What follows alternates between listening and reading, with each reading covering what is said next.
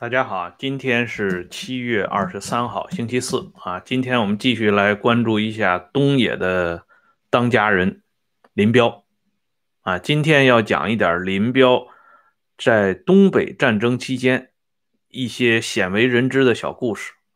通过这些小故事、小片段和小细节，我们来看一下这个曾经叱咤风云、指挥上百万大军的。这么个政治人物，当年在风云际会时期，一些啊不为人知的侧面。通过这些侧面呢，我们也可以更好的、进一步的了解这位政治人物。昨天说到刘亚楼要给林彪找老婆，当然这个老婆我已经澄清过，是带引号的，说穿了就是找林彪的卫士长，要给林彪找卫士长。可不太容易啊！这个当时这个情况显得非常的棘手，否则啊，刘亚楼也不会直接出马。什么事情轮到刘亚楼出马的时候，都是一定遇到了难题。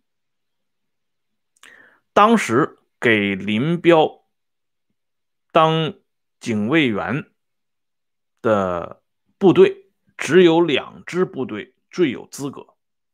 一个是第一师梁兴初担任师长的第一师，这是从山东过来的老底子；再一个就是我们提到的那位被压低待遇的1955年被授予中将军衔的杨国夫的第七师。林彪的警卫员只从这两个师里边挑，别的部队他看不上眼。尤其是这个第一师，刘亚楼直接安排到第一师找人过来。第一师当时当家的是二梁，梁兴初和梁毕业这两位后来被授予中将军衔的高级将领。这梁兴初和梁毕业手里有一张王牌，可是这张王牌，梁兴初。不想轻易亮出来。换句话说，梁兴初不舍得把这帮啊这张王牌交给刘亚楼，因为这张王牌具体说就是王玉春这个副处级的退休干呃离休干部。王玉春当时是第一师的警卫班班长，他的这个警卫班班长是拿命换来的，一个是拿自己的命。一个是拿梁兴初的命，当初啊，王玉春到第一师就是因为打靶的原因，枪法好，被梁兴初给看上了。关于王玉春的枪法，一会儿我们谈林彪的枪法的时候，会给大家详细解说啊。我先提一句，梁兴初看中王玉春，更为主要的一点是当时有一次。梁兴初交给王玉春一个命令，十六岁的王玉春忠实的执行了这个命令，跑到距离师部二十多里远的第一团传达师长的军令。可是等到王玉春回到师部的时候，第一师已经全部转移了。换句话说，王玉春找不到自己的部队了。这种情况在战争年代那是经常发生的，因为上级命令很很急，要求部队立刻转移，所以这一支部队不可能为了等一个十六岁的勤务兵警卫员而原地不动，所以没有办法，只好啊这个牺牲个人照顾集体了。不仅在红军时期、八路军时期、解放军时期都有发生。那这一次的事情就发生在这个十六岁的警卫员王玉春身上。王玉春花了五天五夜的时间，最后出现在呃梁兴初、梁毕业这两位中将面前的王玉春，已经是衣衫褴褛，跟个叫花子差不多了。梁兴初大为感动啊，当时让炊事班做一桌子丰盛的饭菜啊，所谓丰盛就是炖了一只鸡。然后，梁兴初和梁毕业这第一师的师长和政委两个人陪着王玉春吃完这顿饭。吃完饭以后，马上宣布王玉春，你就是师部的警卫班的班长，不光警卫师长，也警卫政委。这两个人的生命安全就交到你一个人的肩膀上了。这王玉春果然不负众望。我们都知道，在东北解放战争时期，发生过一场非常著名的战役，叫秀水河子歼灭战。这一场战役后来还被绘制成连环画，就是小人书。啊，在新华书店里公开出售。我们在小的时候上幼儿园的时候，这本小人书都是我们主要课外读物之一，所以对这件事情我自己也是记忆犹新。秀水河的歼灭战就是梁兴初打响的。梁兴初这一生若干功业当中，秀水河的这一篇是其主要篇章。那么在这场秀水河的歼灭战里边，梁兴初差点把命扔在前线。因为他领着这二十几个警卫人员到前线观战的时候，非常不巧的是被国民党军的炮火给包围了。这梁兴初这二杆子的这个劲儿啊，就上来了啊！这个人就要跟这个国民党军拼死决斗。王玉春一看这种情况还得了，这师长要是死在前线，那这个大局就不不好弄了。所以王玉春告诉身边两个弟兄。把师长扛起来，撤出阵地。结果正是由于王玉春的当机立断，啊，这个梁兴初保全了性命。因此啊，梁兴初把这个王玉春那是当成眼珠子一样来看待。这里顺便跟大家说一下，在梁兴初后来担任成都军区司令员以后。他通过自己的老部下得知王玉春在东北工作非常不如意，啊，仅仅是一个正股级干部，就是比科长还要低一级的正股级干部，所以梁兴初马上从成都给王玉春写一封信，说玉春你不要在东北干了，你到成都来，我这儿成都军区后勤部给你安排了一个处长正处级的位置，等着你。但是王玉春这个人啊，比较甘于淡泊，给老首长回信谢绝了好意。就是说，梁兴初直到若干年之后，对这位已经转业到地方的王玉春仍然是念念不忘。所以，当刘亚楼征询梁兴初梁毕业的意见，给林总派一个可靠的警卫班班长吧，这二梁。居然不约而同的都把王玉春给隐匿起来了，派了警卫班副班长李军啊去应付差事。李军去了，就被刘亚楼给打发回来了。刘亚楼在电话里就开始训这个梁兴初了，说：“你们一师还能不能给我找出个像样的人？啊，林总现在警卫班搭不起来。”你作为林总的老部下，你不感到臊得慌吗？这梁兴初啊，让刘亚楼一顿骂，激将法给逼到了墙角。这梁兴初就没办法了，说：“那好吧，我就给你叫一个人，这个人肯定你一看就满意。”刘亚楼说：“好，你马上把人给我带过来。啊，不是一个人，你给我带过来八个人，从。”七师杨国夫部队里调了七个警卫员，从一师里边调了七个警卫员，各自有一个带队，加在一起一共十六个人。七师调的是徐旺达，一师调的就是王玉春。林彪当初是骑着骡子到的东北，第一站到吉林省梨树县。这个故事。啊，只有这个身边的警卫人员或者是工作人员才是最清楚的。而到了梨树县以后，首先就要搭建啊参谋班子、警卫班子和机要班子这三个班子。前两个班子都是现成的，马上搭建好了。警卫班子直到这个时候还没有动静。这时呢，梁兴初把王玉春他们几个人送过来了。这个时候担任林彪秘书的，就是昨天我跟大家介绍过的季宗权。季秘书一眼看到王玉春，大吃一惊，啊，他就问这个王玉春，他说：“你是不是姓林？”王玉春说：“我不姓林。”然后他又问王玉春：“那你们家什么人姓林？”王玉春说：“我们家什么人都不姓林。”季中权就感到特别纳闷，说：“太神奇了啊！”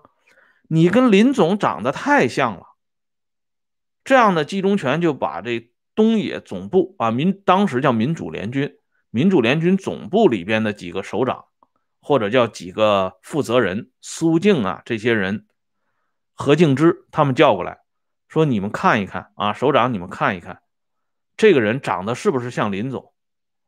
这几个人过来一看，果不其然，啊，这王玉春长得真像林彪。刘亚楼也出来了，一看，行了，就是他。这样呢，就把王玉春留在了林彪的身边。那么现在，我就通过王玉春个人的角度，我们来看一下林彪在日常生活当中，他到底是一个什么样的人。据王玉春回忆，林彪这个人业余生活非常枯燥。他没有什么业余生活啊，没有什么特殊的业余爱好。如果一定要说业余爱好的话，他倒是有一项业余爱好，就是干嘛呢？就是打枪。林彪在闲下来的时候啊，让这个警卫员在院子里用纸画一个靶，挂在墙，拿一支驳壳枪，在那儿练习枪法。这个练习枪法过程当中，这打靶呢打的比较好的时候，林彪一样欢呼雀跃。所以王玉春这些警卫人员第一次看到这位东北民主联军总司令啊不为人知的另一面啊，他居然像孩子一样啊，因为自己打的比较好而这个跳了起来。如果打的不好呢，林彪就把枪往地上一扔，然后扭头就走了。什么话也不说，但是林彪这个人很有自知啊，自知之明，他知道自己枪法啊流于泛泛，特别是他知道他身边的这个警卫班班长王玉春的枪法那是不得了。当初王玉春就是因为枪法好被梁兴初看中，而梁兴初与王玉春这个首长和警卫员之间也是惺惺相惜。据王玉春自己说，梁兴初这个人，他是一只手拿三八式步枪啊，就是日本的三八大盖，拿这个三八大盖，一只手打靶，五发子弹五十环，把把中红心，啊，就是说梁兴初的枪法非常之好，王玉春的枪法与他相差无几，所以。林彪在遇到啊这个野物出现的时候，林彪通常都是让王玉春出手，他就喊一声“王班长上”，哎，这王玉春就开枪，什么野鸽子、野兔子都没少啊被捕获。当然，这个警卫班里边呢，不光有王玉春，还有徐旺达他们这一干人等。林彪就喜欢看这自己身边的警卫员在他面前显示枪法。打得好的时候，林彪就给鼓掌啊！林彪难得的啊笑了两声，他这个笑也跟一般人笑不一样，不像人家哈哈大笑，他就是干笑两声。但这已经是最高级别的表扬了。但如果打得不好，林彪通常也会说一句“真臭，手真臭”，啊，这就是遗憾也好，批评也好，也就这么一句话。再多的东西没有了。这个林彪这个人啊，为什么昨天咱们说这个人非常好伺候？就在这里啊，他对身边的工作人员没有那么多的挑剔啊，反倒是对叶群，哎，总是要求非常严厉。叶群被他管的啊，当时王玉春他们讲，叶群被林彪管的就跟小媳妇儿一样。啊，有些事情叶群宁可跟身边的秘书、警卫去说，也不不去打扰林彪，因为他知道去跟林彪一说肯定没戏。哎，基本上就是这么个情况。那么接下来呢，又发生了一件事情，就是有一次，在一九四七年秋天，林彪在哈尔滨休养的时候，突然找不到了，这警卫人员非常着急，四处寻找，找不到林总的身影，呃，准备向参谋长刘亚楼汇报。这个时候。警卫班班长王玉春脑子很机灵，他说：“林总现在应该是在这个松花江边林总经常喜欢带着叶群同志到江边去转一转，那么现在他应该是在江边呢。于是呢，王玉春带了几个人，啊，挑选精干的几个人，赶紧跑到江边去。到那儿一看，林彪果然在那里。林彪、叶群都在那里不假，但是林彪、叶群遇上麻烦了。当时有这么几个无赖啊，或者叫地痞，这个小地痞、小无赖就缠上了林彪和叶群夫妇俩。因为林彪这个穿着比较特殊，林彪这个人对穿戴没啥讲究，可是当时出于防寒的需求，刘亚楼给他。找来一件大衣，这个大衣呢是火狐狸，呃领子。昨天我们说过嘛，所以这个领子显得就非常特殊。两个人站在松花江边上散步，就被这些人给盯上了，认为这对夫妇肯定不是一般人。那敲诈这对夫妇肯定有油水可捞，结果就有这么一帮地痞无赖把林彪叶群给围上了。说什么让林彪、叶群买他们兜售的瓜子儿，不买这瓜子儿，你们就不能走。我们知道啊，林彪这个人身边多数啊工作人员回忆过，林彪始终分不清楚人民币啊，他跟这个毛泽东有一拼啊。李银桥回忆，毛是从来不摸钱，那林彪呢是从来分不清楚这个元角分人民币。可见这个人对钱也比较落啊，比较陌生，更不要说他身边带带钱，他根本就没有钱。叶群身上也没有多少钱，这几个人求索不得，就把林彪、叶群给缠住了。这样呢，林彪、叶群就不得脱身。王玉春看到这个情况以后，马上让警卫员把总司令和叶群同志。这两个人迅速转移，不要纠缠。吉普车开道，然后把林彪、叶群送上吉普车，安顿好。王玉春转过身来，看了一些，看了一下这些流氓地赖，啊，用眼神警告他们别靠前。这几个流氓地赖因为不知道这些人是干嘛的，仍然向王玉春兜售他们的瓜子儿，不放他们走。这样呢？王玉春就把看家本领使出来了，这一顿暴打这几个流氓地赖啊，抱头鼠窜啊，打的是这个鼻青脸肿。林彪在吉普车上看到这一幕了，林彪脱口而出啊，连说两句：“打得好，打得好，这才是咱们东野的人，连这几个流氓都打不过。”那还能打别人吗？这是林彪难得给自己警卫班长点赞，连说了这么一句话。这林彪是南方人，我们都知道。这南方人说，一般都说我们，他不说咱们。可是林彪到了东北以后，这口头的用语呢就有所改变。在东北前前后后待了将近四年。所以他后来入这个出关以后，到关里之后，他还仍然保留着这句话，一说话就是咱们如何如何啊，带着一定的东北呃东北人习惯用语。而叶群呢，叶群身边的内勤人员就说过，嗯，叶群特别喜欢吃东北饺子。他说东北饺子皮儿薄馅儿大，啊，这个黄永胜啊，最初跟叶群一个桌子吃饭就是吃的东北饺子，啊，所以这个林彪叶群夫妇在东北生活的这一段时间里边，也沾染了一些当地的习俗，啊，王玉春不光是这一次让林彪叶群夫妇摆脱尴尬和险境。接下来一次就是林彪有一次在哈尔滨道外的大舞台看戏，这是四七年秋天的事情。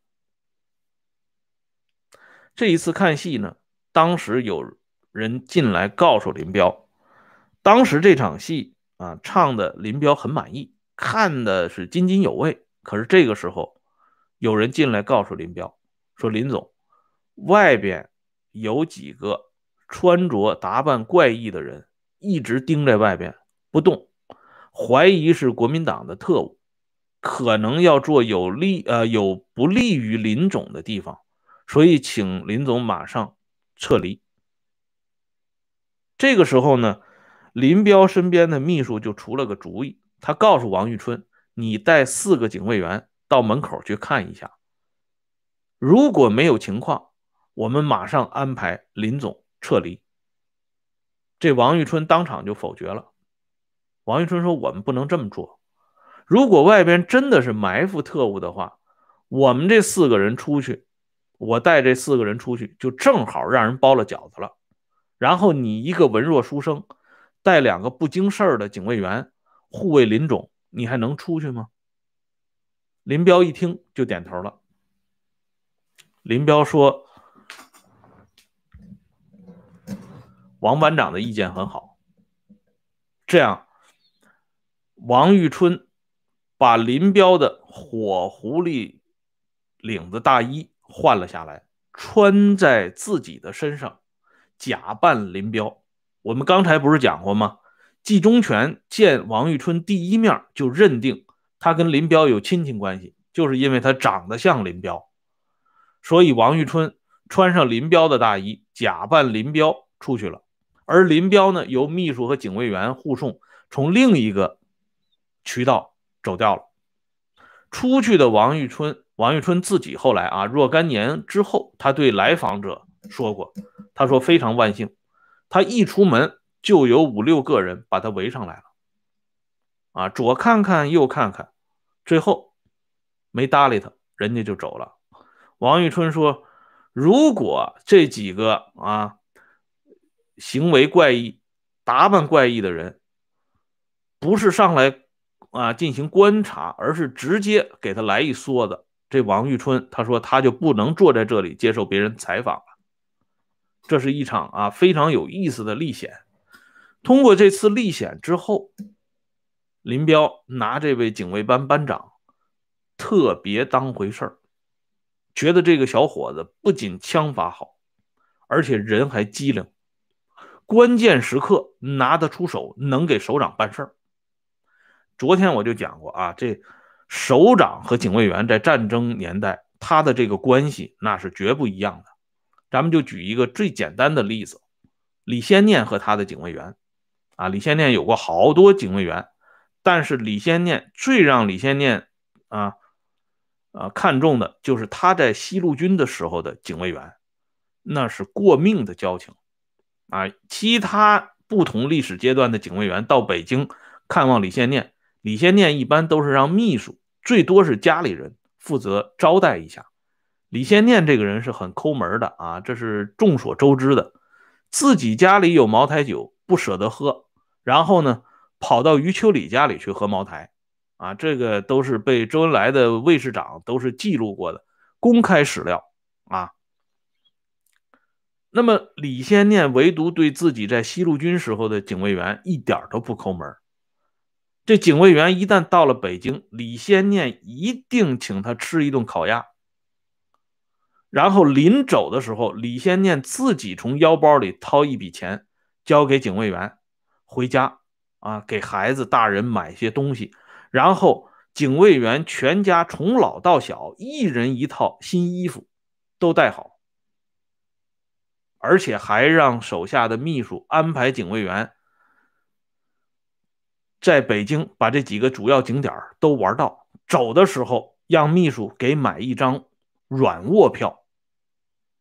那他的警卫员不够坐软卧的资格，但是李先念说：“咱们就走一次后门，买一张软卧票，送他回老家。”哎，所以就是说，警卫员和首长之间在战争年代结下的这种特殊的感情，是和以后是不能比的。因此，林彪就非常喜欢这个王玉春。所以那个时候，呃，参谋长刘亚楼就表扬梁兴初，啊。说这回医师干得好，给林总送了一个金疙瘩啊！林总很高兴。本来这王玉春 在林彪身边干的正是风生水起的时候，可是王玉春却突然提出来，主动提出来，啊，要离开林彪。我们昨天不是讲吗？林彪用人有三个特点啊，能办事儿。不声张，第三条是跟得紧。可是，在整个东北野战军当中，林彪身边的啊工作人员里边，有两个人是林彪很喜欢的人，却一直跟林彪跟的是最不紧的。一个是我们知道的作战处处长苏静，后来授予中将军衔；再一个就是这位警卫班班长王玉春。那么王玉春为什么要离开林彪？突然提出调走，咱们明天接着聊。今天先说到这里，感谢朋友们上来收看。下边我把这个时政会员的链接给大家发一下啊。这里呢继续跟大家说一下啊，这个时政会员呢，大家在选择订阅的时候要选温相说时政。月费是八点九九加元的这一个，而不要选择四点九九或者是六点九九的，这样呢，啊就容易搞混。